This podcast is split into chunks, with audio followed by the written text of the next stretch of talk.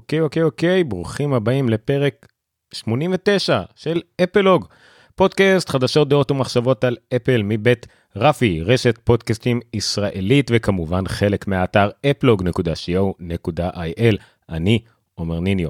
היום יום שלישי, הראשון לפברואר, כן, 2022, מה היום בתוכנית? בעיקר נדבר על כל עדכוני הבטא החדשים שאפל הציגה, הכוללים פתיחת אייפון עם מסכה, Universal Control למק ולאייפד, גברים בהיריון, ואפילו כמה שטויות לאפל TV.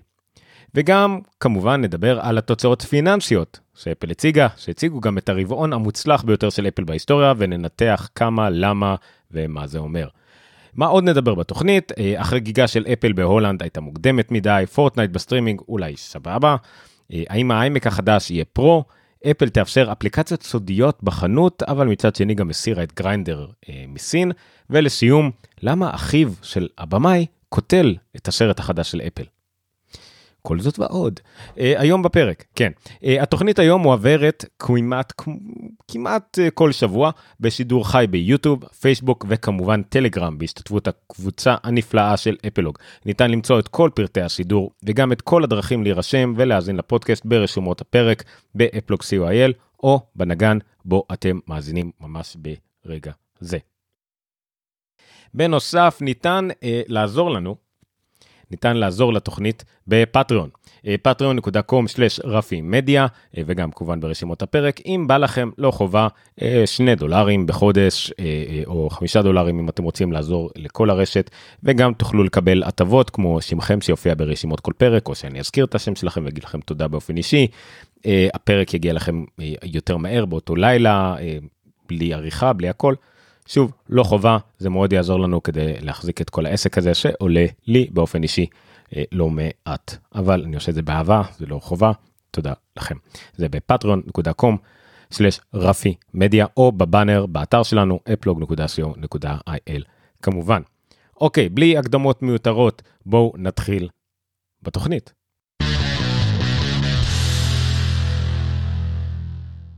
אז אנחנו מתחילים כרגיל בשאריות. שאריות זה דברים שדיברנו עליהם בפרקים הקודמים ואני רוצה אה, לחזור אליהם כי היו התפתחויות או שינויים או סתם דברים חדשים שלמדנו.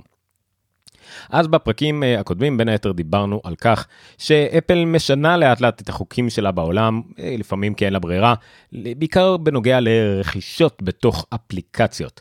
אה, מדינות שונות כמו דרום קוריאה, יפן, האיחוד האירופי כמובן, וגם בארצות הברית יש כמה דברים על הפרק, מבקשים ממנה, דורסים ממנה, מחוקקים חוקים נגדה, שיצטרכו, שאפל תצטרך לאפשר למשתמשים לרכוש בתוך אפליקציה בעיקר נגיד מנויים אה, או ספרים או תכנים אה, לאו דווקא דרך אפל זאת אומרת שלא חייבים להשתמש במנגנון של אפל באפל איי-די ולשלם לאפל 30 אחוז 15 אחוז על מנת לשלם על תכנים.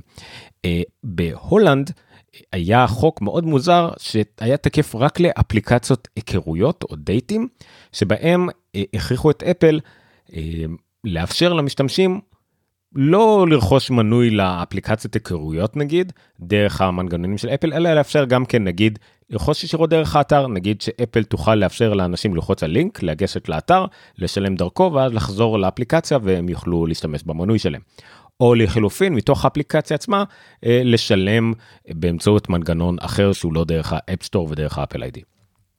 אפל אמרה סבבה אנחנו נאפשר את זה כמובן כל מה שאתם צריכים לעשות זה לעקוב אחרי 17 אלף צעדים לקבל מאיתנו אישור מיוחד ועוד כל מיני דברים נורא מעצבנים שאני לא אכנס להם כרגע דיברנו עליהם אה, קצת והיה גם קישור למאמר. אה, הולנד אמרה לא לא לא או איך שלא אומרים לא בהולנדית סליחה מקרובי המשפחה שלי בהולנד אה, אני לא זוכר איך אומרים לא בהולנדית כנראה זה no. אבל בסדר. Uh, anyway, הם לא, הם uh, סירבו, אמרו לא, אתם לא יודעים בדיוק איך תעשו את זה, אתם צריכים לעשות את זה הרבה יותר קל, בלי איזה entitlement מיוחד שצריך לבקש, בלי איזה דברים מיוחדים, בטח לא, הם, הם עדיין לא אמרו את זה, אבל כנראה הם לא, אפל אמרה שחייבים להוציא גרסה מיוחדת של האפליקציה רק לחנות ההולנדית, שיהיה לה את האפשרות הזאת, כנראה גם זה לא יקרה. בלאגן. מה שכן הם אמרו גם שזה חייב לקרות מאוד מהר.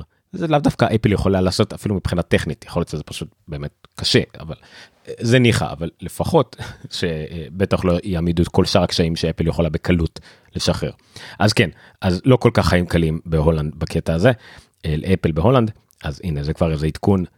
אפל מתחילה לעשות לכם קשיים ושוב 2022 כנראה תהיה השנה שאפל תצטרך ולא תהיה לה ברירה לעשות הרבה שינויים בכל מה שקשור לרכישות באפליקציה.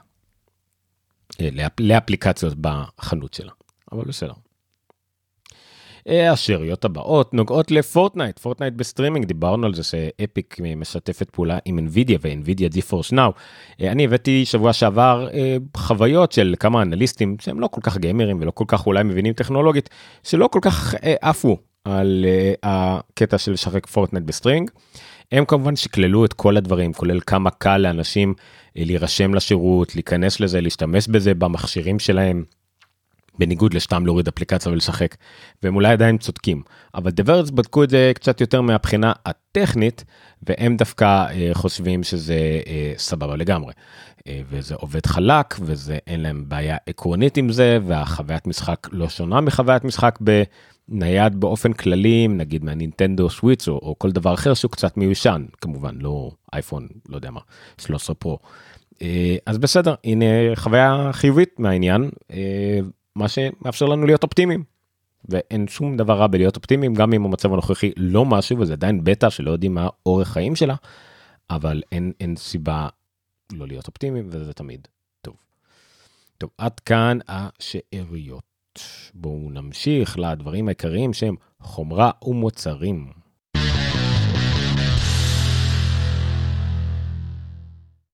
אמרתי שהדבר העיקרי הוא חומרה ומוצרים, טעיתי. השבוע חומרה ומוצרים זה ממש לא הדבר העיקרי. אה, חומרה ומוצרים הבאתי רק כי היינו צריכים לדבר, שיהיה לנו משהו במדור הזה. תכלס כל מה שיש בחומרה ומוצרים, כי כל השמועות דיברנו עליהם גם שבוע שעבר, אה, הם רק לגבי כל 2022, אולי על אירוע שיהיה בה. אה, מרץ או אפריל ודיברנו על זה אייפון SE, אייפד אייר, כל הדברים האלה, אה, אבל בסדר, חרשנו את זה. אה, מה שאולי חדש עכשיו זה דיבורים קצת יותר עמוקים על האיימק או איימק פרו שיהיה או לא יהיה. אז גורמן בבלוג פוסט השבועי שלו אמר, האמת שהוא אמר דווקא בדבר שהוא נסתר ל, ל, בניוזלטר החינמי, זה כנראה חשוף רק למי שמשלם. אמר שהוא מצפה שה-iMac החדש יצא, הוא כן יקבל חזרה את השם שיקרא iMac Pro. אה, הוא יהיה בשפה העיצובית של ה-iMac 24, אבל גדול יותר, כנראה 27 אינץ, והוא יהיה עם המעבדים ה-Pro הנוכחיים, זאת אומרת ה-M1 Pro ו-M1 Max, כמה ליבות, כמה הכל, כנראה שלא שונה מהניידים, מה-14 אינץ וה-16 אינץ. אבל הכוונה היא שלא יהיה חדש תחת השם, שיהיה בדיוק מה שאנחנו מצפים שיהיה, לא יהיה משהו מיוחד, וזה יקבל את השם איימק פרו.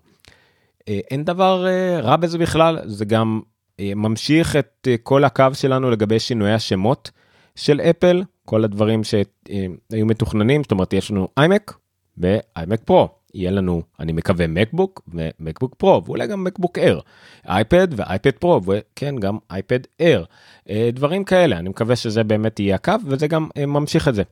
אותו עיצובי, רק כמובן צבעים קצת יותר פורואים וכאלה, וכל הדברים האלה יותר חיבורים וכל זה. אה, היה גם כן עוד אה, ידיעה שחיזקה את כל העניין הזה. אה, של אתר בשם DSCC, Weekly Report, שמחזק את כל הדברים האלה ואומר כן זה יהיה מסך מיני לד, עוד כל מיני פיצ'רים של פרו, זה המסך 27 אינץ' שהיה שמועות לגביו מבית LG, זה יהיה mini LED עם ProMotion 120 הרץ וכל הדברים האלה, אז כן זה כנראה אם אנחנו באמת רואים את כל העשן הזה ומרכיבים ממנו ברוורס אינג'ינירינג אש, אז כנראה זה יהיה iMac Pro 27 אינץ' עם mini LED 120 הרץ בצבעים כל מיני 6 space gray וצבעים אה, כאלה אפורים עם מסגרת שחורה ולא לבנה דרך אגב, שוב להבדיל אותו מה-iMac 24, והוא יהיה מעבדים M1 פרו, M1 מקס וכדומה. אה, אז זה לגבי השמועות חומרה שכנראה יהיה לנו ב... אה, חודש, זהו, זה, זה הדבר האחרון לגבי השמועות האלה, זה כנראה לא יהיה במרץ ואפריל.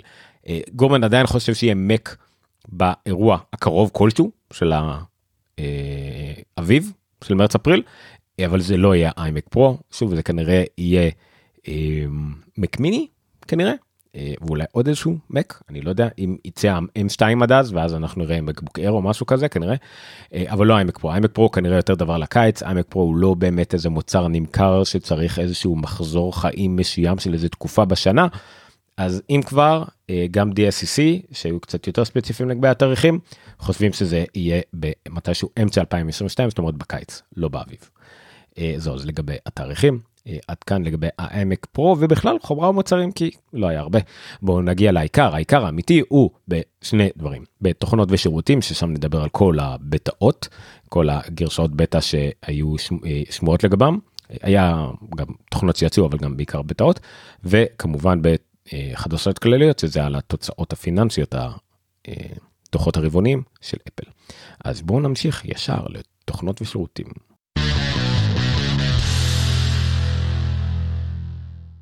בתוכנות ושירותים לא מפתיע שהנושא העיקרי שלנו לערב, אם אתם מאזינים לזה בערב, זה העדכונים שאפל הוציאה השבוע, עדכוני מערכת בעצם לכל המוצרים שלה.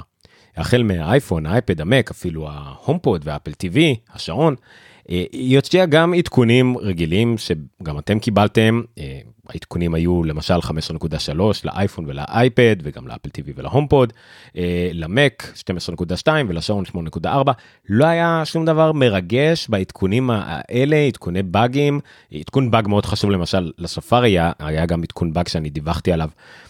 בפרקים הקודמים באג חמור מאוד בספארי והיה גם נגיד איזה תקלה מתברר די נפוצה שהיה לאנשים עם האפל וואט שדרה 7 אבל חוץ מזה באמת שלא היה דברים מרגשים. מה כן היה מרגש זה שהגיעו הבטאות הראשונות הראשונים מה שזה לא יהיה לגרשאות שאחר כך זאת אומרת ל-5.4 12.3 ו-8.5 לשעון לא היה כלום אבל אנחנו מה שמעניין אותנו בעיקר זה האייפון והמק. אוקיי, אז בואו נדבר על מה היה בעדכונים האלה, נתחיל כמובן מהאייפון והאייפד, נמשיך למק, ואחרי זה היה אפילו גם כמה דברים באפל TV, לא ממש מרגשים, אבל גם היה. אני כן למאזיננו אני אציין שאם תצפו ביוטיוב, אה, ייתכן ותראו הדגמה, הדגמה בזמן אמת של Universal Control אם אני אצליח לעשות את זה. נכון לכרגע, נכון לזמן הזה בו אני מקליט, יש לי Mac עם 12.3 עם העדכון הבא הבטא הראשונה בעצם 12.3 למק ואולי עד סוף הפרק יהיה לי גם אייפד עם הבטא של האייפד של 5.4 ואז אני אוכל להדגים את Universal Control אבל זה תלוי בעדכון של האייפד כי אני אהבל שהתחלתי את העדכון הזה מאוחר מדי ואולי הוא לא יספיק להסתיים אבל בואו נמשיך. זה רק טריגר למי שמאזין לנו לפודקאסט אה, תירשמו לקבוצת הטלגרם או ליוטיוב ותוכלו גם לראות את הדברים האלה קורים ב-live, בווידאו. אה, לא חובה, הפודקאסט הוא עדיין המדיום העיקרי בו אני ממליץ לצרוך את הפודקאסט, כי מה לעשות, כמו שאומרים, יש לי פנים לרדיו. אבל בואו נמשיך. אז האייפון והאייפד בגרסה 15.4. Uh, הדבר, הפיצ'ר כמובן שפתח את כל מהדורות החדשות, אם זה היה מעניין מהדורות חדשות אמיתיות, זה זיהוי פנים עם מסכה. Uh, כן, אז כיאה לגאדג'ט הכי נפוץ בעולם, אייפון, אז מן הסתם שידברו הרבה על הפיצ'ר הזה, במיוחד בתקופה שעדיין רובנו מסתובבים עם מסכות, אה, אפילו שטיפה הקורונה קצת ירדה והכל, אני מאוד מקווה שנמשיך להסתובב עם מסכות במקומות, אם יש הרבה אנשים מטונפים וחולים באופן כללי. כן, ברגע שכולם החליטו קצת פחות לרדת עם מסכות, קיבלתי שפעת, לא קורונה, שפעת. קורונה דרך אגב, עדיין לא קיבלתי. עדיין מעולם לא חליתי בקורונה. שפעת, כן. למה? לא יודע. anyway. אמ, אז כן, אה, אז מה מיוחד בזיהוי פנים ממסכה? הרי לחלקנו, רובנו, אולי אם אנחנו חובבי אפל, יש לנו את זה. אני פותח את האייפון עם מסכה כבר הרבה מאוד חודשים, למעשה מה שהיה לי העדכון 8 נקודה שקר כלשהו, או 7 נקודה משהו בשעון. אז כן, עד היום יכולנו לפתוח את ה... אה, את האייפון והאייפד, כן, לא, רק את האייפון, מה שזה לא יהיה, עם השעון. זאת אומרת, ברגע שיש לי שעון עליי, יכלתי לפתוח את האייפד עם מסכה. מעולה, נכון, זה היה בעצם אה, מין עיקוף כזה, מין מעקף שאפל עשתה, איזה קומבינה שאפל עשתה על מנת שנוכל, אה, היא רק זיהתה שיש לנו בערך איזשהו קשר של האייפון איתנו, וכל עוד היה לנו את השעון גם עלינו, באותה קרבה עלינו ידנית, אז היא אפשרה לנו לפתוח את השעון. זה לא היה אותה רמת אבטחה, אה, ולראיה, לא יכלנו לשלם אה, עם אפל פיי כשהשעון עלינו. לא יכלנו אה, למלא שישמעות בטפסים בספארי כשהמסכה עלינו. לא יכלנו לפתוח את השישמה אה, בוואטסאפ, אם שמנו את הזיהוי פנים בוואטסאפ עם המסכה עלינו. כל אלו לא עבדו, רק הפתיחת אייפון עבד עם המסכה עלינו עד היום, אם הגדרנו פתיחת פנים עם מסכה בשילוב השעון. כל זה משתנה עכשיו. אפל הוסיפה באופן רשמי פתיחת אה, זיהוי פנים, סליחה, עם מסכה. זיהוי פנים לכל רוחב כל מה שקשור לאותנטיקציה, לזיהוי פנים מבחינת אבטחה באייפון ובאייפד. מה זה אומר? אה, זה אומר שלא תצטרכו את השעון, זה אומר שהאייפון יזהה בעצם אתכם אה, גם כשאתם עם מסכה, אבל זה גם אומר שאתם מומלץ שאתם גם תעזרו לאייפון לזהות אתכם יותר טוב. מה שאפל עשתה, היא שיפרה למעשה את האלגוריתם שמזהה את כל אזור הפנים וערובות העין וכל מה שמשביב לאזור העיניים. זה אומר שאם אתם בעלי משקפיים, כמוני, כדאי שתגיעו לאזור אה, אה, זיהוי הפנים ותעזרו לאייפון עם לזהות גם כן את המשקפיים שלכם. האייפון יכול בעצם אתם יכולים לתת לו לזהות אתכם מספר פעמים עם משקפיים שונות ובלי משקפיים כמובן. עם משקפיים שונות ככה שאם אתם מסתובבים עם כמה סוגי משקפיים משקפי ראייה משקפי קריאה לרחוק קרוב וכדומה הוא יוכל גם לזהות אתכם עם סוגי המשקפיים השונים. זה כמובן מעולה ומומלץ ואדיר כן?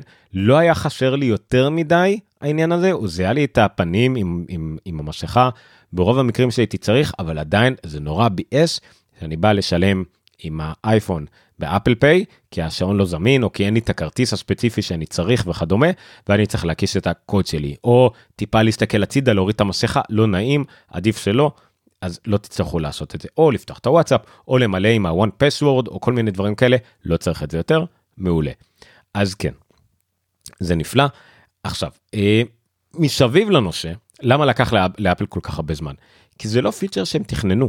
הזיהוי פנים עם הפייס איי-די וכל המנגנונים שהם, שהם עשו, בנו ללזהות את כל הפנים כולם בתלת מימד, שריקת פנים. אה, וזה ככה האלגוריתמים עזבו ועבדו. וכדי לתכנן את הכל הם היו פה צריכים לעבוד על זה ואמרו זה דבר שיכול לקחת שנה שנתיים זה, זה גם אם אני משער שאם תשאלו אנשים שמבינים בזה מהאנשים יגידו לכם זה דבר שלוקח הרבה מאוד זמן. ואפל הקורונה הזאת מן הסתם כמו את כל העולם תפסה בהפתעה. אז כן הם הספיקו להוציא את הזיהוי פנים עם מסכה באמצע זה הפתרון ביניים שהגיע בערך פחות או יותר שנה אחרי שהתחילה הקורונה. והנה הפתרון המלא הגיע שנתיים אחרי שהתחילה הקורונה. אה, נכון זה נראה כאילו הקורונה בירידה ולמה מה, מה זה חשוב עכשיו אבל לא יש מספיק אנשים בכל העולם שמסתובבים עם מסכות כל הזמן זה בעיקר במזרח הרחוק יפן זה תמיד היה מקופל למשל בקוריאה אז הנה פיצ'ר שנוצר מכורח הנשיבות אבל יעיל באופן כללי ואפל כנראה הרוויחה מזה עוד יותר ב... לא יודע מה בפטנטים על אה, אלגוריתמים לזיהוי פנים וערובות עיניים ולא יודע מה משקפיים וכל הדברים האלה ואולי גם זה יעזור להם לכל המיזמים שלהם ל-VR ו-AR וכל זה. בסדר. אה, מה הקודשים בעלייה בכל התחום הזה שני דברים קודם כל התמיכה בזיהוי פנים עם מסכה הוא באייפון 12 ומעלה. כנראה זה קשור למה שהמעבד יכול לעשות מבחינת הזיהוי. אה, למה לא יודע אבל זה מה שאפל הציבה ולא תומך במשקפי שמש. אה, כן עדיין כנראה שהתמיכה במשקפי שמש הייתה תלויה בזה שהם זיהו, זיהו מספיק משאר הפנים כדי לזהות אתכם. אבל ברגע שהם מזהים רק את העיניים ויש להם רק את העיניים לסמוך עליהם המשקפי שמש פשוט כנראה מפריעות מדי. אה, אז משקפי שמש לא נתמכות כרגע. אה, זהו, אז זה לגבי הזיהוי פנים עם מסכה. זה מן הסתם פיצר ההיילייט זה מה שאנשים כנראה אם אנשים בכלל יצללו לתוך עניין הבטא זאת תהיה אחת הסיבות העיקריות. אם לא הסיבה. סיבה אחרת שבהם אה, שבגללה הרבה אנשים אוהבים לשדרג ומהר זה אימוג'ים. אבל וואי וואי וואי כמה צרות עשו האימוג'ים הפעם. אז יש 37 אימוג'ים חדשים. מתוכם שניים עשו כותרות. אחד מהם, אני משער אולי יהיה בתמונת הפרק או משהו כזה, זה, זה כן הכותרת פה למעלה ב, אה, בכתבה, זה נשיכת שפתיים. זה לא שזה עשה כותרות כי זה משהו אה, מרעיש אבל זה פשוט כי זה אמוג'י מאוד שימושי שיכול לגרום לשיחות להיות מאוד מביכות. דבר זה אפילו עשו על זה כתבה שלמה רק על כמה האמוג'י הזה יכול להיות מביך. אבל בסדר.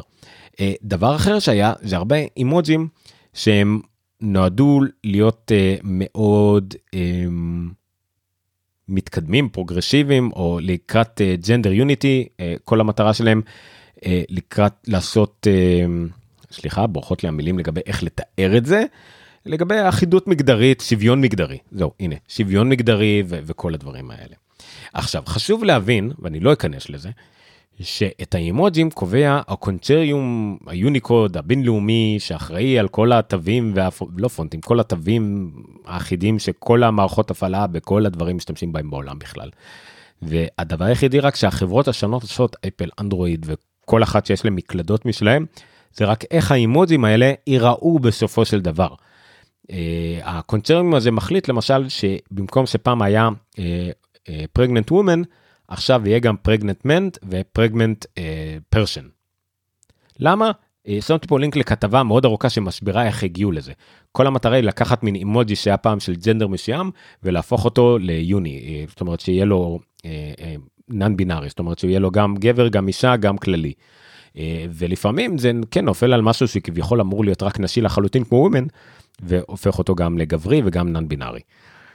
אה, כן, זה יצר מן הסתם הרבה בלאגן, במיוחד לכל האנשים על הצד הפחות מתקדם של החשיבה שלהם, שאיך גבר יכול להיות בהיריון וכל זה.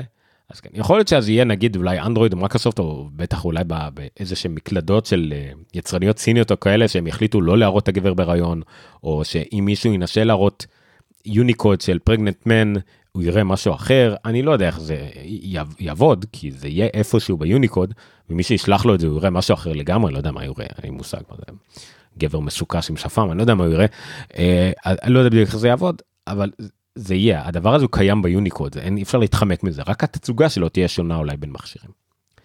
קיצור, הרבה בלאגן על זה. אה, אני לא רואה סיבה למה, זה פשוט שוב, לכל דמות של, כל דמות שהיא אנושית, באימוג'ים יהיה פשוט ייצוג של גבר, אישה וניטרלי. וגם דרך אגב לכל אחד מהם יש גם ייצוג של כל כמעט כל גווני הצבעים. שגם על זה יש ויכוחים כי, כי חשרים כמה גוונים אנשים מתווק... אה, קצת מת...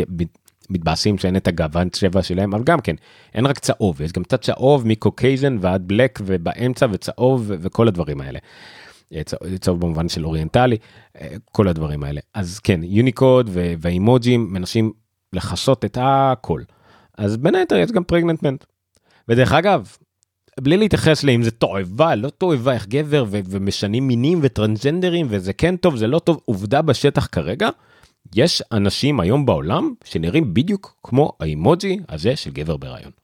יש אנשים שעברו שינוי מין, או בדרך לשינוי מין, או שהם כאילו, או שהם מגדירים את עצמם בצורה מסוימת שהיא לא, לא גבר ולא אישה וזכותם ושיעשו מה שבא להם. אה, ושורה תחתונה מבחינה ביולוגית הם נראים כמו גברים אבל יש להם את היכולת הביולוגית להיכנס להיריון. אז זה קורה זה קיים בעולם והנה עכשיו יש להם אימוג'י משלהם whatever שיהיה להם לבריאות מה אכפת לכם. זה הכל. זה הכל הביג דיל. זהו אז זה לגבי האימוג'י.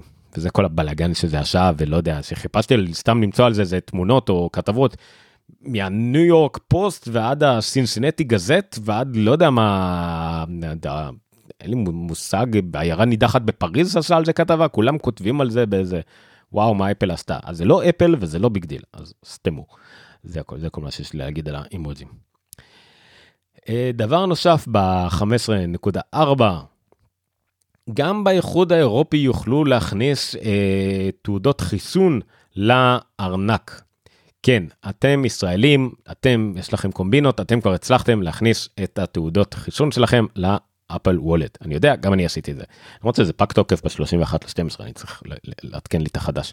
Uh, anyway, uh, זה לא בדיוק תו ירוק, זה תעודת מתחסן uh, כללית כזאת כאילו של משרד הבריאות זה, זה תקף כמו אישור ירוק זאת אומרת לסרוק את הברקוד זה, זה אמור לצאת אותו דבר כאילו זה לא משנה אה, אבל זה של האיחוד אירופי זה מאושר כתעודת חיסון שאתם יכולים להראות בשדה תעופה וכל הדברים האלה מה שזה לא יהיה אז כן אז זה כמו תו ירוק. ונוכל אה, בעצם להוסיף את זה בצורה רגילה נורמלית עם סריקה ולא איזה קומבינה דרך איזה אתר שנותן לנו איזה משהו ו open source לא יודע מה חופשי כנראה אה, באיטליה כבר הצליחו לעשות את זה בארץ אני חושב שאנשים כבר הצליחו אני אני לא ניסיתי אולי אני אצליח אם אני אעדכן את האייפד שלי אולי אני אנסה את זה גם כן סליחה אני אנסה את זה גם עם האייפד נראה אה, אז זה גם כן אז זה גם כמובן שוב עוד חלק מהעדכון שיהיה משמעותי. שוב אין לנו כבר בארץ תו ירוק כזה כאילו נראה כבר אז מה צריך את זה לא יודע מה זה לא משנה. א' כל אולי באירופה עוד צריך את זה. ב' זה פותח את הדלת באופן כללי לתעודות חישון, לא יודע מה, אם אתם תעשו תעודת חישון נגד מלריה, שתרצו לטוס, אה, לטוס לאפריקה, אז יהיה לכם את זה בוולט. פשוט זה נפתח לכם עוד אפשרות לוולט בגלל כורח הנשיבות הזה, אז זה מאיץ את כל העניינים. אז זה טוב, אז לפחות זה קרה לנו. עוד כמה עדכונים שהיו קצת שוליים או שלפעמים גם גם הורג אותי כן אני אני לא אולי אני לא אולי אני לא עושה את זה מתוך עיקרון אבל אני בעיקר עושה את זה לא עושה את זה מתוך עצלות אבל עדיין אנשים עשו כתבה שלמה על זה שיש עכשיו עדכון שאפשר להוסיף הערות לשישמעות בקיצ'ן בפסוורד שלכם באייפון ובאייפד אני לא מתכוון להוציא כתבה שלמה על זה. יצא עוד פיצ'ר. אה, מה זה אומר? זה אומר שסיסמאות שאתם שומרים בספארי וכאלה אתם יכולים גם לגשת אליהם מהגדרות אם לא ידעתם. כל הסיסמאות האלה קיימות לכם גם כן תחת settings יש לכם אפשרות ל password ולראות את כל הסיסמאות שם יש לכם בעצם מנהל סיסמאות password manager מלא בתוך האייפון ובאייפד וגם במק בספארי יש לכם שם או ב Keychain Access יש לכם מנהל סיסמאות מלא. אה, ועכשיו תוכלו מה של אבל הוא די רזה די קצת מעפן אבל עדיין עכשיו תוכלו גם להוסיף לו uh, הערות מה זאת אומרת תוכלו להוסיף uh, notes למשל this is a really important password לסיסמה תוכלו לדעת מה הסיסמה מהאתר. למה הייתם צריכים סיסמה אולי יש לכם כמה סיסמאות מכמה משתמשים לאתר מסוים אז תמיד תוכלו uh, להוסיף את זה. Uh, זה מעולה כהערה צידית. אפל יותר ויותר דוחפת לעניין הזה של ניהול שישמעות וזה טוב חסרים לה הרבה פיצ'רים, פיצ'רים מתקדמים אבל היא בהחלט מכסה יפה מאוד את הקרקע למנהל סיסמאות בסיסי. זה גורם לתוכנות וחברות כמו 1Password בעצם לנטוש טיפה את השוק הפרטי זה נושא דיון מאוד גדול בלי קשר לנטוש את השוק הפרטי כי אפל באמת ממלאה את הנישה הזאת.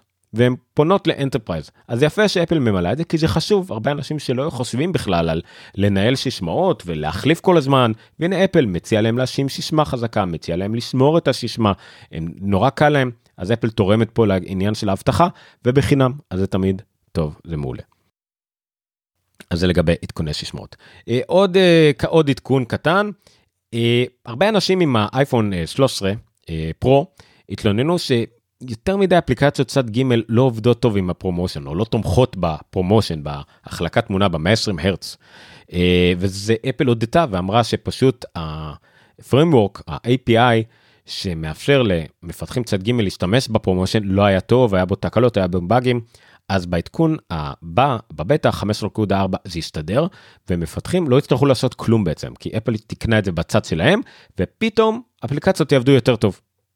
שזה מגניב לגמרי. אה, לא יוצא לי לבדוק את זה כי אני לא אעדכן את האייפון שלי לבטא הזאת אבל מגניב זה מסוג העדכונים שפשוט אה, בבת אחת יגרמו להמון דברים אה, לראות ולהרגיש הרבה יותר טוב בלי ששום אף אחד צריך לעשות משהו זה תמיד טוב. ומשהו ממש שולי אני לא יודע כמה זה רלוונטי אבל זה מין פותח את הראש כזה לרעיונות חדשים. אפל גם אה, פיתחה זה כלי חדש שמובנה במערכת הפעלה לאייפון שהוא יאפשר בעצם למכשיר עם המערכת הפעלה החדשה הזאת לצלם מכשיר אה, אחר, רשמתי חדש סליחה, מכשיר אחר ולגלות את ערך הטריידין שלו.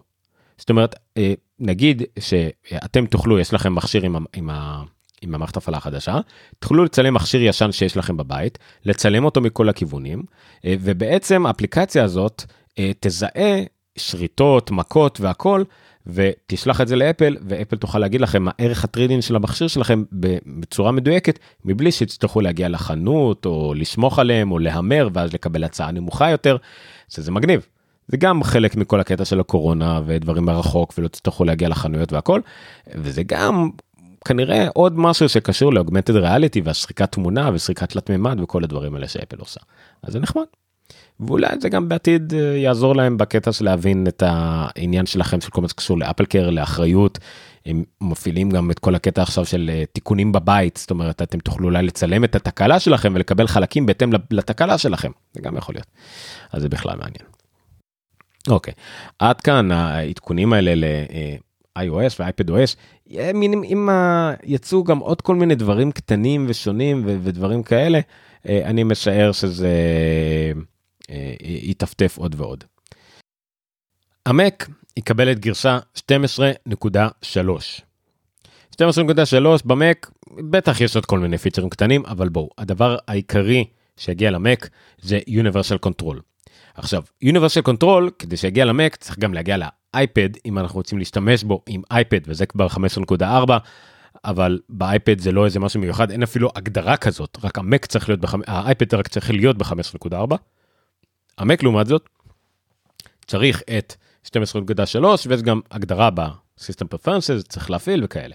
מה זה Universal Control? למי שלא זוכר, זה האפשרות אה, להשתמש בעצם במק אחד שאתם נמצאים עליו בעכבר ובמקלדת שלו, כדי לטייל עם העכבר והמקלדת שלו לעוד מק אחד שנמצא לידו, וגם אפילו אייפד אחר שנמצא לידו, ולטייל איתם עם העכבר והמקלדת, כולל לעבור עם העכבר כמובן ביניהם, כולל פסט זה יעבוד ביניהם, כולל לגרור קבצים, ממש מאייפד בצד אחד למק בצד השני, העכבר ידע איפה אתם נמצאים ביחס למה, מדהים. זה הוגדר כבר כאחד הדמואים הכי טובים אי פעם ב-WWDC. אה, אני כתבתי את זה גם כן, שאם הדבר הזה היה על במה עם קהל, זה היה זוכה לאיזה מחיאות כפיים של איזה שתי דקות רצוף, משהו מטורף. זה כמובן לא היה מול קהל, זה היה בקורונה, אבל עדיין פריד קדריקי הגדיר את זה, גם דברדס מאוד התלהבו מהדמו הזה, זה מדהים. אנשים גם כבר ניסו אותו. אה, בפועל יש פה הדגמה של אה, מקרומרס, אני גם אה, ניסיתי את זה ממש לכמה דקות, במה שנקרא מאחורי הקלעים בזמן הקלטת הפודקאסט ממש, זה עובד, זה סבבה, זה מגניב, לא נכנסתי לזה לעומק כמובן, אבל זה, זה התגשמות חלום קטן של מי שאוהב לעבוד עם הרבה מסכים ואין לו ברירה נגיד לעבוד עם איזה רק אחד מחובר כל הזמן, אז זה נגיד גם למי שמחובר עם מחשב ואייפד, לעבוד ביניהם. זה מגניב לגמרי, זה מקל על העניינים, זה, זה כל הטכנולוגיות שהיו עד היום, פשוט מאוחדות לאחד בלי לזוז ולאלתר דברים. זה מגניב לגמרי. אז זה Universal Control, אפל שוב הכריז עליו ביוני, זה נדחה ונדחה ונדחה, היא הבטיחה, לא, זה יגיע באביב, אני אמרתי לכם שזה, אמרתי לו, זה חוכמה גדולה, אמרתי זה בטוח יגיע לפני WWDC הקרוב, אפל לא תגרור משהו עד שהיא פתאום אה, מכריזה על דברים חדשים, אז הנה, אני משער שהגרשה הסופית לכולם תגיע משהו כמו בתחילת מרץ, אמצע מרץ, ייקח איזה כמה שבבים של בטא טובים עד שזה יעבוד, כי עדיין אנשים מתלוננים שזה לא תמיד עובד הכי טוב, אה, וזה יגיע, וזה מגניב, וזה אחד הפיצ'רים למערכת הפעלה אה, שיוצאים באמצע, הכי טובים שיצאו אי פעם, וזה בהחלט פיצ'ר מגניב לגמרי, Universal Control מטורף. גם ל...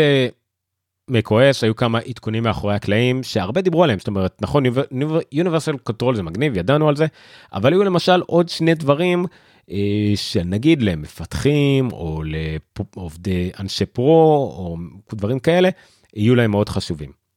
אחד מהם לאו דווקא למפתחים זה יכול להיות לכל אחד מאיתנו. אה, אפל כבר שנים מנסה לגרום למפתחי תוכנות להפסיק להשתמש בשוק של דרייברים או הרחבות מערכת שמתחברות לליבת המערכת, זה נקרא kernel extensions, זה דבר שהם כבר שנים מנסים להיפטר מהם. אחד הדברים האחרונים שהם ממשיכים להשתמש בזה זה תוכנות כמו Dropbox ו OneDrive.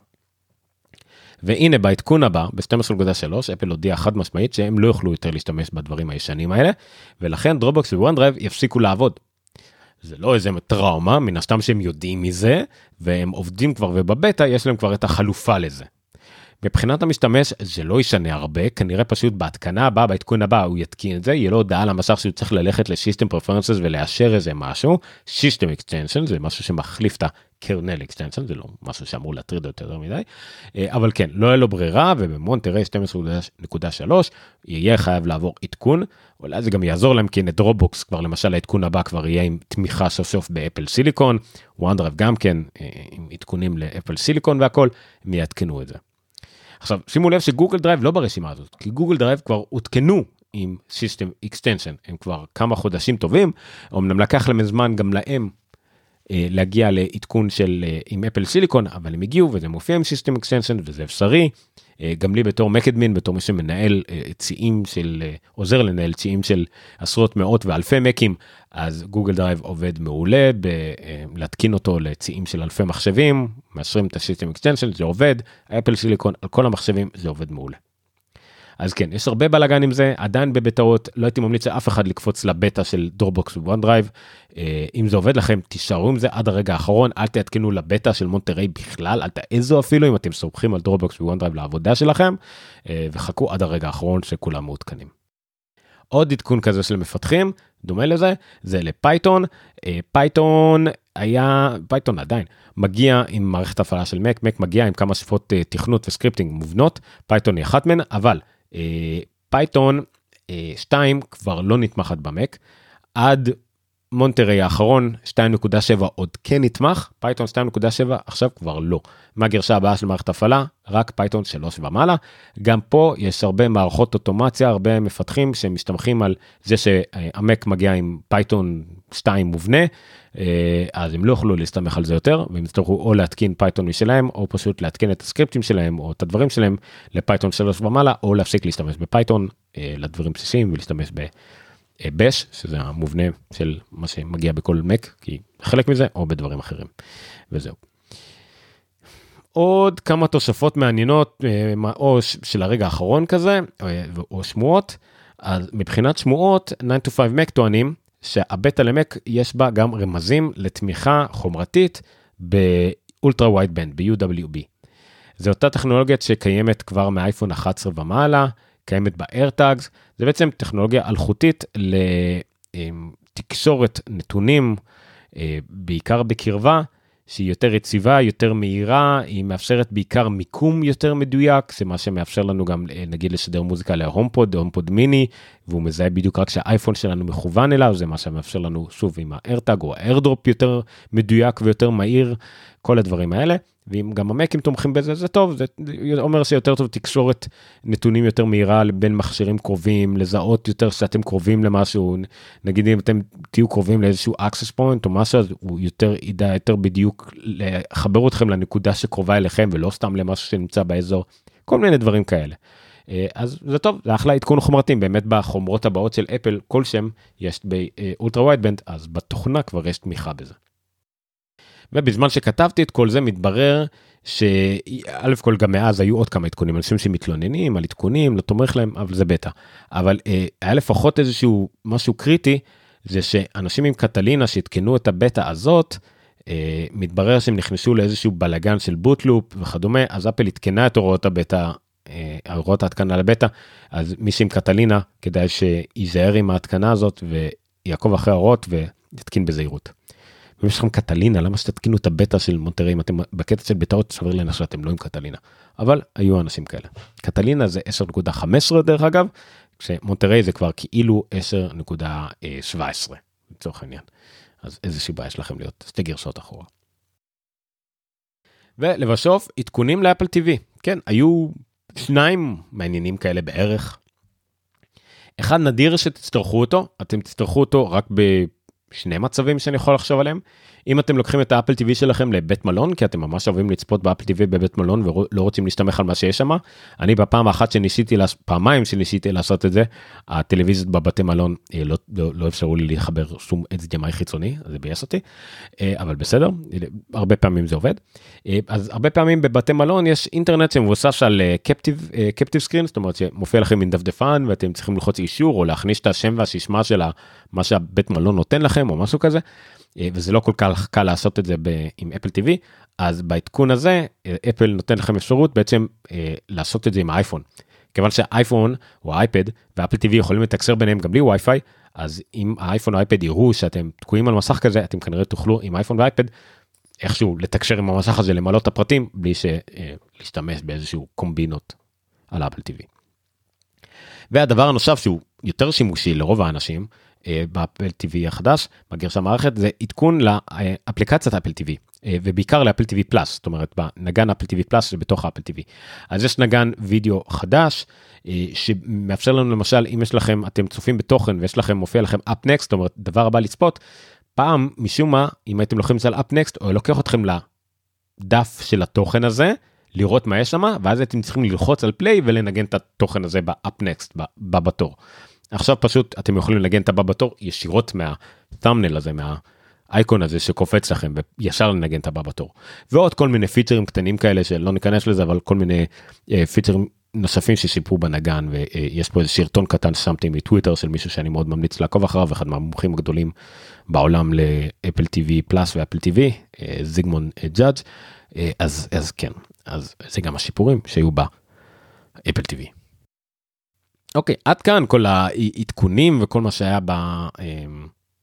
בתאות החדשות של אפל אז אה, המון המון המון באמת אחד הדברים המרגשים זה יפה אני לא נוטה בכלל כמעט אף פעם לדבר על בטאות על עדכונים אולי רק אם היה עדכון שיצא עכשיו שהיה בו משהו חשוב לא כל כך על דברים עתידיים אבל פה באמת היה דברים השילובים של הפתיחה עם המסכה וה Universal Control אז היה שווה לדבר על זה וכמובן הגבר בהיריון אז זהו.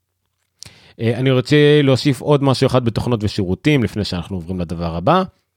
ויש עוד משהו קטן שחדשות קטנות זה שאפל הוסיפה אפשרות למפתחים אה, לסמן אפליקציות כלא רשומות בחנות unlisted. לא כל אחד יכול לעשות את זה צריך לבקש אישור מיוחד ולתאר למה אתם רוצים לעשות את זה אבל אתם תוכלו בתור מפתחים לפרשם את האפליקציה שלכם כ-unlisted מה הכוונה? בדומה ליוטיוב, שבהם אתם יכולים לפרשם אה, סרטון יוטיוב, שלא יופיע בשום חיפוש, פלייליסט, אי אפשר לשמור אותו, אי אפשר לעשות איתו כלום, מלבד לשלוח את הלינק הישיר למישהו שהוא ילחץ על הלינק ויראה את הסרטון, זהו. אז אותו דבר באפליקציה. זאת אומרת, לא יוכלו למצוא את האפליקציה באף חיפוש, היא לא יופיע באף קטגוריה, באף דירוג, באף שום מקום. רק אם תיתנו למישהו את הלינק הזה, אז רק הוא יוכל ללחוץ עליו ולהוריד את האפליקציה. אפליקציה כן תופיע בחיפוש באפל Business Manager אני חושב, או School Manager, אה, למי שמכיר, אה, אבל לא בשום דבר שקשור לחנות. אפשר יהיה להפוך אפליקציה קיימת ל-unlisted וכדומה, אה, וזה יפה. אחלה פיצ'ר, לא כל כך ברור מי יהיה זכאי לזה, איך לעשות את זה, יש הוראות לזה ב-developer site, אבל זה, זה דבר, אחלה דבר, זה מסוג הדברים שלא לא בעיה לעשות אותם, אז הנה, אפל עשתה אותם. ורק שלא יתעללו בזה מה שנקרא, אבל בסדר גמור. זה נחמד, יש לזה שימושים. יש דרך אגב לאפל, יש כאילו, אם אתם רוצים לעשות משהו שיופיע בחנות, אבל הוא לגמרי שלכם, של החברה, יש לזה גם משהו, זה נקרא custom app, זה לא קשור. זה עדיין, זה עדיין אפליקציה ציבורית, אם הלינק הזה ידלוף ואיכשהו יגיע ל... לא יודע מה, לאתר חדשות הכי גדול במדינה וכולם יוכלו להוריד אותו, זה לא שאתם יכולים לשמור את זה בסוד, זה לא סודי. קטרתי לזה סודי בשביל הקטע, זה לא סודי, זה פשוט לא רשום, unlisted, זה הכל. אוקיי. יאללה, בואו נעבור לחדשות כלליות.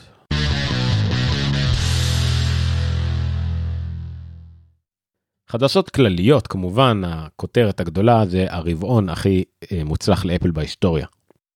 כן, עוד אחד כזה. זה בדרך כלל מה שקורה ברבעון החגים. בואו נעבור למספרים, הזמן קצר והכסף הוא רב, וזה לא הכסף שלי, אז אין מה להתעכב עליו יותר מדי. ככה, בשורה התחתונה. אפל הכניסה ברבעון, זה רבעון החגים, זה אני מזכיר לכם, זה אוקטובר, נובמבר, דצמבר. ברבעון החגים אפל הכניסה 123.9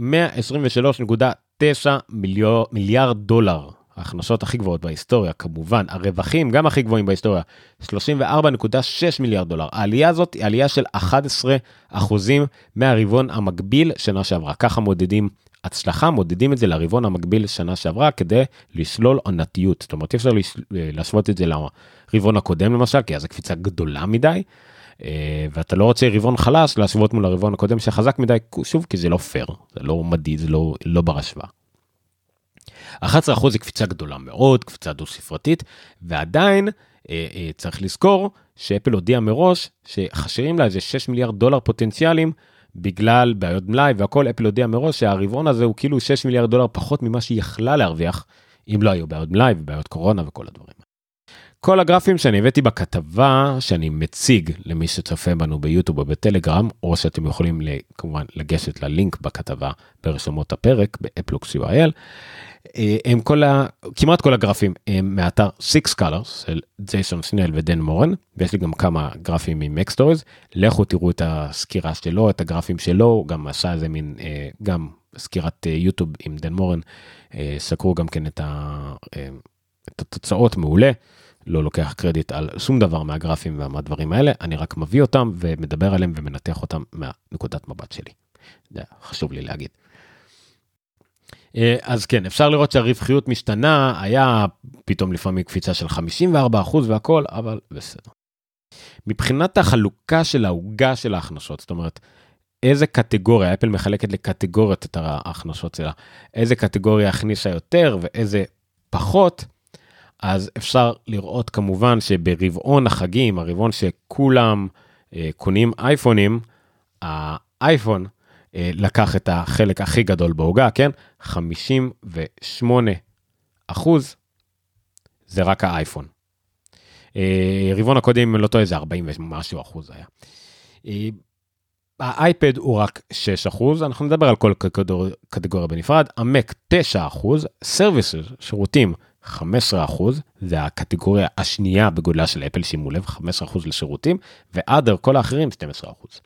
אז על האייפון, האייפון כמובן גם בשיא הכנסות כל הזמנים, 71.6 מיליארד דולר, עלייה של 9 אחוז משנה שעברה, עלייה גדולה מאוד, אה, עלייה, אה, השוואה לשנה שעברה גם קצת לא פיירית, כי שנה שעברה האייפונים אה, הושקו מאוחר יחסית, אז הרבעון הקודם, הרבעון שנה שעברה יכול להיות יותר חזק, אז זה למעשה רבעונים דומים יחסית, אבל בסדר.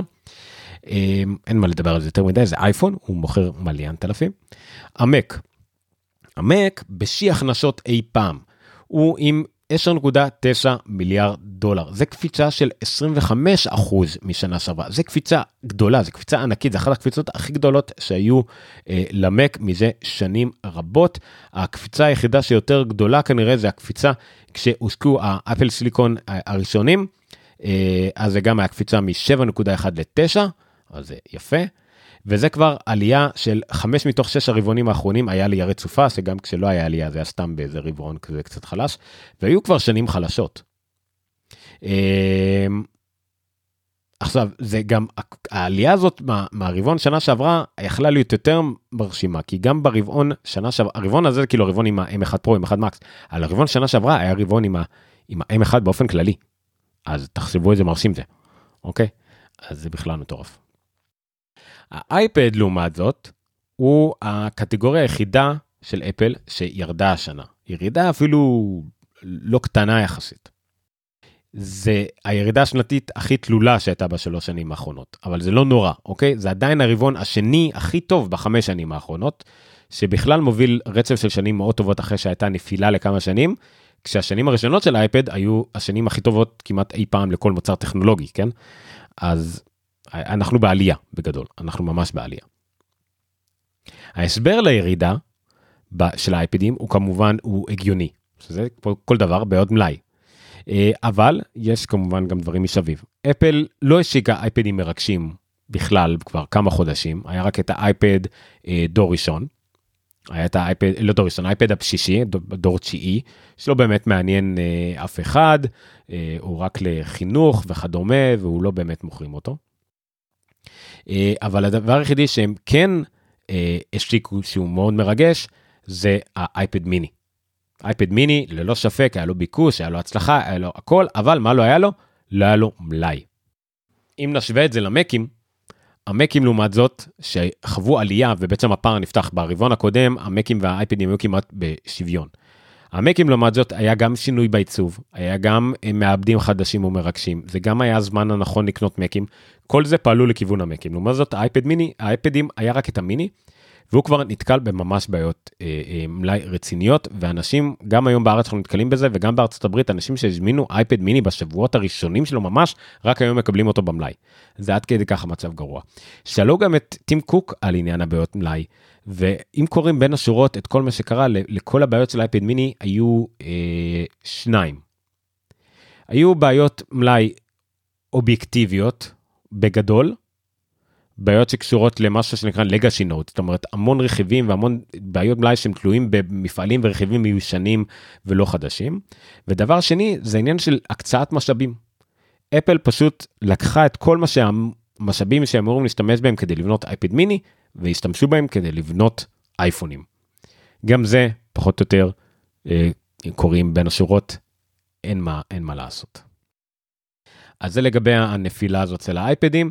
אה, שוב, לא נפילה רעה, האייפדים עוד יחזרו מה שנקרא, אבל מה לעשות, שמה שגורר את המחיר, את, את הרווח אמ, הגבוה של האייפדים זה אייפד פרוים שלא ראו עדכון המון זמן, האייפדים הזולים הם לא איזה בסט סלר כאלה ואין להם הרבה רווחים, והאייפד מיני והאייפד אייר מחזיקים די את השוק והאייפד אייר כבר מיושן והאייפד מיני לא במלאי. זה עיקר הסיפור. אם נסתכל על אייפד רבניו באופן כללי, אז כן, אנחנו רואים את העלייה המאוד גבוהה ברבעונים האחרונים, ובעצם עלייה שהיא ממש רק, רק עכשיו. בסדר, קורה. אין מה להתרגש אה, אחרי זה, ושוב, גם מבחינת הצמיחה, אנחנו אחרי כמה רבעונים טובים, אבל האייפד הוא מה שנקרא, הוא בהפסקה, לא בנפילה. הקטגוריה הבאה היא שירותים. שירותים אה, זה כבר ביצת הזהב של אפל, זה services. תחת שירותים יש הכל, קשה לתאר בדיוק מה יש שם. שירותים זה iCloud, iCloud Plus נגיד, כל מי שמשלם על אחסון ב-iCloud זה אפל TV פלאס, וגם מי שקונה נגיד סרטים או סדרות, אפל News Plus, Music, כל האפל Music למיניהם, ה Fitness Plus, האפל Care, קניתם אחריות על האייפון שלכם, על האפל Watch, זה גם services, אפל ארקייד כמובן, כל האפל One, אם קניתם את כל החבילה, כל אפליקציה שקניתם, כל ה in-app purchases שקניתם, זה גם סרוויסים. גם זה קצת דבר סוד גלוי מה שנקרא גם הסכמים שאפל חותמת עם נגיד גוגל על מנוע חיפוש היא מכניסה לאייפונים ומקבלת על זה מיליארדים זה גם services כל הדברים האלה זה services וזה שווה הרבה מאוד כסף. 19 וחצי מיליארד דולר. שיא כל הזמנים זה לא חוכמה. 19 וחצי מיליון דולר רק על services אבל זה בעיקר אומר שיש פה גדילה יציבה ומשמעותית כבר כמעט 20 רבעונים ברציפות לפחות. זה הגרף הכי משעמם בעולם, זה גרף של עלייה אחת מתונה ויציבה לאורך אה, אה, 20 רבעונים יותר מחמש שנים. ואחוזי גדילה לא תלויים בעונתיות, פשוט יש עוד אנשים קונים מכשירים, עוד אנשים משלמים על שירותים לאפל, זהו.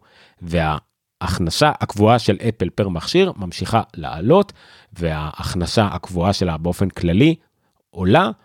זה פשוט, זה ביצת זהב, זה מה שמשקיעים אוהבים, והדבר הזה פשוט עולה ועולה ועולה. בין היתר, אפל הייתה מאוד שמחה לבשר ל... אה, למשקיעים שלה שיש 785 מיליון משתמשים מנויים חדשים, חדשים, משלמים לאפל, חודשיים סליחה, משלמים לאפל. זאת אומרת, יש 785 מיליון אנשים שמשלמים כל חודש. שוב, זה פה מספר מעוות, כי גם אנשים שיש להם subscribe לאפליקציה, ל-in-app purchase, נחשבים מנוי חודשי משלם לאפל, אבל עדיין זה המון. והקטגוריה הנוספת זה כמעט כל השאר, זה אה, השעון, האוזניות, ההומפודים, האפל TV וכל אלה. זה קטגוריה מוזרה, מגוונת, אפל דחפה לשם הכל, למרות שיש שם גם מוצר דגל כמו אפל Watch, ויש שם מוצר הכי נמכר שלהם כמו איירפודס, ויש להם מוצרים מוזרים כמו הומפוד ואפל TV שלא ממש מוכרים בכמויות, אז הכל נדחף שם. אבל גם פה זה אה, 14.7 מיליארד דולר ועלייה של 3% משנה שעברה, ומה הם השיקו? את האיירפוד 3? אוקיי, בסדר. אבל לא היה שם יותר מדי, לא היה אפל TV חדש, הומפוד מיני הוא כבר מכשיר ישן, לביץ' יש כמה מוצרים חדשים, אבל כל זה איירפוד 3 אולי, כי אנשים חיפשו מה לעשות בחגים, אני לא יודע, אבל כן, זה, זה, זה מה שקרה שם, אז גם זה פשוט מטורף. איזה עוד נתונים הם אמרו? הם שיפרו שסך הכל המשתמשים הפעילים של מוצרי אפל בעולם, המספר הזה עלה ל-1.8 מיליארד אנשים שבכל זמן נתון משתמשים במוצר של אפל. אה, לפני שנה זה היה 1.65 מיליארד ולפני שנתיים 1.5 מיליארד. הם, הם נורא גאים בזה שאחוז גבוה מהמכירות שלהם של מוצרים חדשים כל שנה זה למשתמשים חדשים לגמרי שלא היה להם מוצר קודם. אז מאיפה בא, והמספר הזה עולה ועולה כי אנשים נותנים את המכשיר הישן שלהם למישהו אחר שלא היה לו מכשיר קודם. זאת אומרת, המכשירים של אפל ממשיכים להסתובב ולהסתובב עם האורך חיים שלהם, הם ממשיכים להסתובב, ונכון, אפל לא מוצרת מכשירים חדשים, אבל אתם יודעים מה היא כן מוכרת? שירותים, שממשיכים לתת לה כסף כל חודש בחוצו, והם ממשיכים לגרף ההוא להמשיך לעלות. וזה שם הכסף, זאת ביצת הזהב, אז לאפל לא אכפת היא לא רוצה שתשברו את המכשירים שלכם. היא לא אכפת לה להרוויח את ה-500 דולר על מכשיר פעם אחת, אם היא יכולה לקבל מכם, או מהילד שלכם, או מהדוד שלכם, או מי שמכרתם לכם, לו את האייפון, עוד 20 דולר בחודש, זה הרבה יותר שווה מה-500 דולר חד פעמי. תאמינו לי. תאמינו להם, למה לי? מבחינת נתח השוק בעולם, אפל ממשיכה לגדול בסין, היה לה איזה נפילה לפני כמה שנים, כמה רבעונים, אה, היא ממשיכה לגדול בסין יפה, וזה מאוד מאוד חשוב לה, גם באירופה, גם באמריקה, אה, רק במזרח כמו יפן, קוריאה ודברים כאלה היא טיפה מדשדשת, אבל בכל השווקים הגדולים שלה היא ממשיכה. לגבי העתיד, אה, בשיחות הפיננסיות האלה, אפל גם מדברת ועם המשקיעים עונה לשאלות וכל הדברים האלה. אז היא גם דיברה על זה. אה, טים קוק גם התראיין לוול סטריט ג'ורנל, דיבר על הרבעון הקרוב, הרבעון הקרוב עדיין אמורות להיות באונליין, אבל הן אמורות להיות פחות נוראיות. שזה טוב. שאלו גם את טים קוק לגבי המטאוורס, לגבי VR, AR וכל זה. אה, טים קוק לא חזר על המילה מטאוורס, אני באלה שמהמרים שאפל לעולם לא תוציא את המילה הזאת מהפה של אף אחד מהבכירים שלה או על הבמה או במסמכים שלה את המילה מטאוורס בחיים לא. אה, בכל מקרה אבל הוא אמר שזה כמובן נושא שמאוד מעניין את אפל לאפל יש 14 אלף אפליקציות אוגמנטד ריאליטי בחנות. סבבה אה, וזה מה שאני אומר כל הזמן אה, אפל מכינה את הקרקע לקראת איזושהי טכנולוגיה שקשורה ל-VR או AR או מה שזה לא יהיה. זה יגיע מתישהו. יש המון טכנולוגיות, מאולטרה ווייד בנד ועד לזהות את ה... יש לה, להם איזה QR קודים כאלה, ועד זיהוי מצלמה וזיהוי פנים וסריקת תלת מימד והמצלמות משוכללות, כל הדברים האלה זה טכנולוגיות שטפטפו לנו כבר שנים, הם יגיעו אולי בין מין מוצרים כאלה חצי אפויים של משקפיים, אבל עוד 10 שנים, 15 שנים, אנחנו נראה איזה מוצר אוגמנטד ריאלי אולטימטיבי שיהיה יותר טוב מבחינת חבילה שלמה כמעט מכל מוצר אחר בשוק, כי אפל פשוט ידעה להכניס את הטכנולוגיות האלה עם השנים עוד ועוד ועוד ועוד, מבלי אה, פשוט לזרוק עלינו בבת אחת איזשהו, הנה קחו זה המוצר וזהו. אה, אבל זה לדעתי. טוב, עד כאן כל התוצאות הרבעוניות של אפל. במסגרת החדשות הכלליות, רציתי לציין עוד ידיעה אחת קטנה, לפני שנסיים עם זה. אה, דיברנו על סין, אפל חזקה בסין, אז כנראה חלק מהדברים שהיא חזקה בסין זה גם להיענות לדרישות הסיניות. לפעמים זה כי אין ברירה, הם צריכים לעמוד בחוקים של כל מדינה שהם פועלים בה, ואם יש בסין חנות אפליקציות סינית שכפופה לחוקי התוכן הסינים, אז חוקי התוכן הסינים אומרים שאסור לאפליקציות כמו Grindr להיות פעילות בסין. למה? ככה, פרימיטיביים, פרימיטיביים, חרא, אסור להגיד את המילה הזאת, לא מדינה משהו, סין, אין מה לעשות. אה, אז זה אחד מהסיבות, אז אין אה, אפליקציית Grindr, ככל הנראה הוסרה מחנות אפליקציות בסין, כנראה בהוראת הממשלה הסינית. אה, אז זה באסה לכל העוסקים בדבר, צר לי עם כל מי שנפגע מהעובדה שהאפליקציה הזאת הוסרה, אבל למזלנו, לדעתי, המין האנושי תמיד מוצא פתרונות איפה שיש בעיות, ואני בטוח שהקהל, היעד, מצא את הפתרון וידע איך לתקשר או ידע איך למצוא את מבוקשו בדרכים אחרות ולא באפליקציה הזאת. בהצלחה לכולם. אה, אה סליחה, אה, בטלגרם אומרים לנו שאפל לא הסירה אותה, אלא החברה עצמה הסירה אותה. אוקיי, נכון, גם אומרים פה האפליקציה נעלמה. אה, אוקיי, סבבה. זה טוב להבין שאפל לא הסירה אותה והחברה החברה עצמה הסירה אותה זאת אומרת גריינדר הסירה אותה בסדר כדי להסכים לחוקים של הממשלה הסינית. Uh, טוב לדעת שלאפל אין קשר לזה אבל אני שוב לא אני עומד מאחורי המילים שלי אם אפל הייתה קיבלה הוראה לאשר את זה אני חושב שאין לה ברירה אבל בסדר זה בוא נגיד זה הערוץ היותר טוב לעבור בו. שסין תפנה למפתחים ותגיד להם תסירו אותם או שעושה לא יודע זה ערוץ עדיף לכל הצדדים לעבור בו מאשר להגיע לאפל. ואפל גם צריכה אה, להסביר את זה לסין נראה לי. אבל בכל מקרה המצב לא משהו. זה, זה לא היה צריך לקרות בכל מקרה. כן, אני לא בעד זה. anyway. אז עד כאן חדשות כלליות, בואו נעבור לבונוס הקצר מאוד. בבונוס הקצרצר, אה, לאפל יש שרט חדש שיצא לפני כמה שבועות, קוראים לו The Tragedy of Macbeth, הטרגדיה של מקבט. Uh, ביים אותה uh, ג'ואל כהן, שהוא חצי מהאחים כהן, זה השרט הראשון שהוא עושה ללא אחיו. סרט קיבל ביקורות uh, מעורבות על uh, גבול הטובות, מועמד להרבה פרסים, אפל בונה עליו לאוסקר וכולי וכולי וכולי, הוא עם דנזל, uh, uh, דנזל וושינגטון ופרנסיס מקדמונט, הוא בשחור לבן, ולא uh, תופתעו לגלות שהוא מבוסס על מקבט. אמ, הבונוס הוא, אם בא לכם, לקרוא ביקורת על הסרט מאת איתן כהן, שהוא אחיו של ג'ואל כהן ושותפו ל-18 הסרטים הקודמים. הם כתבו והפיקו ביחד 18 סרטים, חלקם מהסרטים האהובים עליי בהיסטוריה. אה, ביג ליבובסקי, רציחות פשוטות וכולי וכולי וכולי. ממש, מהבמאים הכי אהובים עליי בהיסטוריה ואני סטודנט לקולנוע, תואר בקולנוע, כל הפלצי, כאלה, פלצנות הנדרשת, אוקיי? אז הוא כתב ביקורת על אשר אצל אחיו. עכשיו, הביקורת הזאת היא כמובן מלאה במונחים אה, רציניים על קולנוע, אבל היא כמובן מאוד פרודית, פרודית, הוא צוחק על אחיו וקוטל אותו, משפיל אותו, אה, קוטל אותו לבחירה הלא מקורית בחומר לא מקורי של שייקספיר ומה קרה ומצחיק. מצחיק, אם אתם בקטע של ביקורות קולנוע ואוהבים קולנוע, תקראו את זה, זה כמובן ברשימות הפרק, אה, הוא כתב את זה, לא ארוך במיוחד, אה, שעשע. שוב, הם אנשים, שני יהודים מאוד ציניים ומאוד מצחיקים, ומן הסתם, אז כן, אז זה כנראה המתנה שלו לקראת השרת העצמאי הראשון של אחיו. שעשע, אמרתי, אמרתי, זהו. אז אה, זהו, עד כאן. מעברון ואז עד כאן.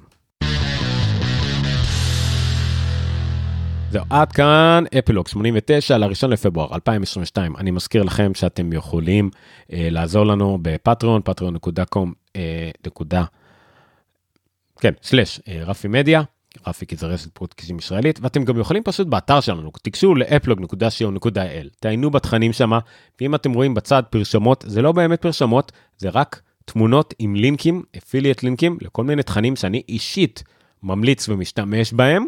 כל לינק שם זה יוביל אתכם לאחלה דבר. אם תחליטו בסופו של דבר להירשם לאחלה דבר הזה כמו private VPN, Captivate, Hover וכדומה, רק אם תירשמו, אני אקבל איזה בקשיש קטן. זה לא פרסומת מבוססת לינקים, זה לא קוקיז, אין שם כלום. פשוט אם תירשמו, אני אקבל בקשיש, אה, אני אחוזון או לא יודע מה אני אקבל שם, אין לי מושג. זהו, זה, זה, זה הדבר היחידי. זהו, זה כל מה שלי להגיד מבחינת הפרסומת הקטנה הזאת. אה, וזהו.